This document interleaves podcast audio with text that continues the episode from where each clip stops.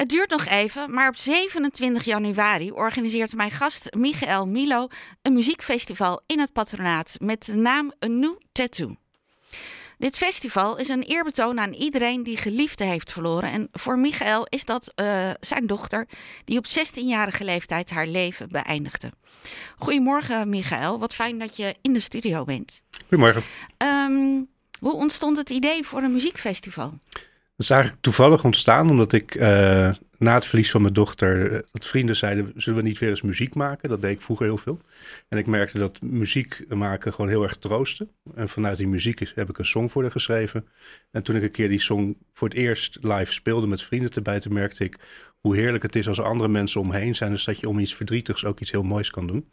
En nou ja, dat is vrolijk uit de hand gelopen. Met, het is een muziekfestival geworden. Ja, een muziekfestival dat vertelt, dat geeft aan dat het meer is dan alleen een concert? Ja, het is, uh, er zijn ook mensen die theater maken. Kiekit is er bijvoorbeeld. Die doen theatervoorstellingen op scholen bij kinderen om te spreken over uh, mentaal lijden. Uh, ja, en het, het, gaat ook eigenlijk over die verbinding zoeken over dingen die verdrietig zijn in een positieve context. Dus het, het, het moet ook een beleving zijn, anders dan gewoon een serie bandjes op een rij. Ja, voor jou was de aanleiding het overlijden van jouw dochter. Um, maar je geeft aan um, dat het niet alleen gaat voor mensen die dat zelf uh, in de hand hebben gehad, mm -hmm. maar dat het ook gaat voor andere mensen die iemand hebben verloren. Ja, anderen die iemand hebben verloren of mensen die iemand kennen. Want het gaat over die wisselwerking. Je hebt vrienden nodig om dit soort dingen te verwerken. Dus je kan er ook, ik nodig ook iedereen uit die zich gewoon aangetrokken voelt om anderen te troosten of om er gewoon te zijn. Het is ook een. We, we kennen heel weinig van dit soort dingen in Nederland. Hè? Dat je rituelen hebt, dat je elkaar helpt over verdrietige dingen. En dan ben je dus ook welkom als dit onderwerp je gewoon sowieso aanspreekt. Of dat je graag ergens bent dat je denkt dat is een bijzondere sfeer. Dat zou ik ook wel eens willen zijn. Ja. Um, je gaf net een beetje aan wie er nog meer zijn. Maar uh, heb je een lijstje van wie er allemaal langskomen? Uh, ja, het zijn allemaal niet, niet de grootste namen. Het zijn allemaal mensen die zich verbonden voelen door dit ja, verhaal. Ja. Kijk, we de... Je mag je microfoon ietsje hoger doen. Ja, doe ik. Uh, we hebben de song bijvoorbeeld opgenomen bij Henk Korn van Hallo Venray. Die vroeger in Hallo Venray speelde. Die we ooit nog Pinkpop gespeeld, maar dat is ook al lang geleden. Lisa Brakband die speelt. Dat is iemand die zelf ook haar zus is verloren. En die ook een, een, een song speelt. We hebben een fanfare. Kiekit komt langs. Uh, er is een DJ. De bedoeling is ook dat je ook gewoon kan dansen. Het is ook een festival. Uh, dat, dat een beetje. Ja. Um, en uh, hoe laat begint het? Volgens mij uit mijn hoofd om kwart over zeven gaan de deuren open. Ja. En dan weet je ook in welke ruimte het van het patronaat is? Ja, het is in zaal 2. Oké. Okay. Ja. En dan uh, vindt het allemaal in één ruimte plaats of is het ook in, op meerdere plekken? Het, uh, nee, het, uh, in het patronaat en in heel Haarlem is dat weekend ook het Boring Festival. Dus we mochten heel blij zijn dat er een zaal leeg was waar we ondertussen dit ook kunnen doen. Ja. Maar het, ik verwacht dat die van Varen ook wel gewoon de straat oploopt en allemaal dat soort zaken. Dus, ja. dus we moeten gewoon een beetje kijken hoe het ontstaat. Hoe zijn de reacties tot nu toe? Uh, mensen vinden het heel, heel bijzonder dat het, dat het gebeurt. En ook, uh, ja, het raakt mensen. Mensen denken dat je over zoiets openlijk kan spreken en uh, zelfs een festival kan organiseren. Dus mensen vinden het heel mooi. en wat ik het bijzondere vind, daar had ik van tevoren nooit over nagedacht, is dat mensen het ook best moeilijk vinden om te komen. Dus iedereen denkt, wauw, gaaf, warm, hartverscheurend, dat soort zaken. maar om dan de stap te zetten om te komen, dat denken mensen toch wel oh, dat is best persoonlijk, mag ik daar ook bij zijn? En wat zou je tegen die mensen nog meer willen zeggen? Ja, juist. Net probeer het uit. Ik kan me voorstellen dat het een beetje raar klinkt. Of dat je denkt van ja, wat moet ik ermee? Uh, maar ik denk dat het juist iets heel warms kan zijn. En, en dus kom juist mensen, iedereen die gewoon denkt, dit is bijzonder, uh, wees welkom. Ja. Um, is er ook um, nog hulp voor mensen die, uh, die het overvalt als ze er zijn? Je denkt, ik ga daar krachtig uh, naartoe.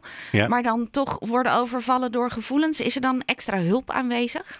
Uh, er zijn, het wordt ook gesteund door 113, die zit er ook achter. mensen van Mind, mensen van Vereniging van Nabestaanden in Nederland. Dus er is genoeg kracht aanwezig, denkkracht. Ja. En sowieso, mensen kunnen altijd 113 bellen natuurlijk. Ja. Maar het idee is juist om het uh, vrij licht te houden. Dus juist dat het festival zelf iets is wat helpt. Ja, ja, nee, dat snap ik. Maar soms overvalt je iets. Dan heb tuurlijk, je dat niet altijd nee, in tuurlijk. de hand. En dan zijn de kanalen daar. En ja, uh, ja. er zijn er ook mensen met veel verstand ja. ja.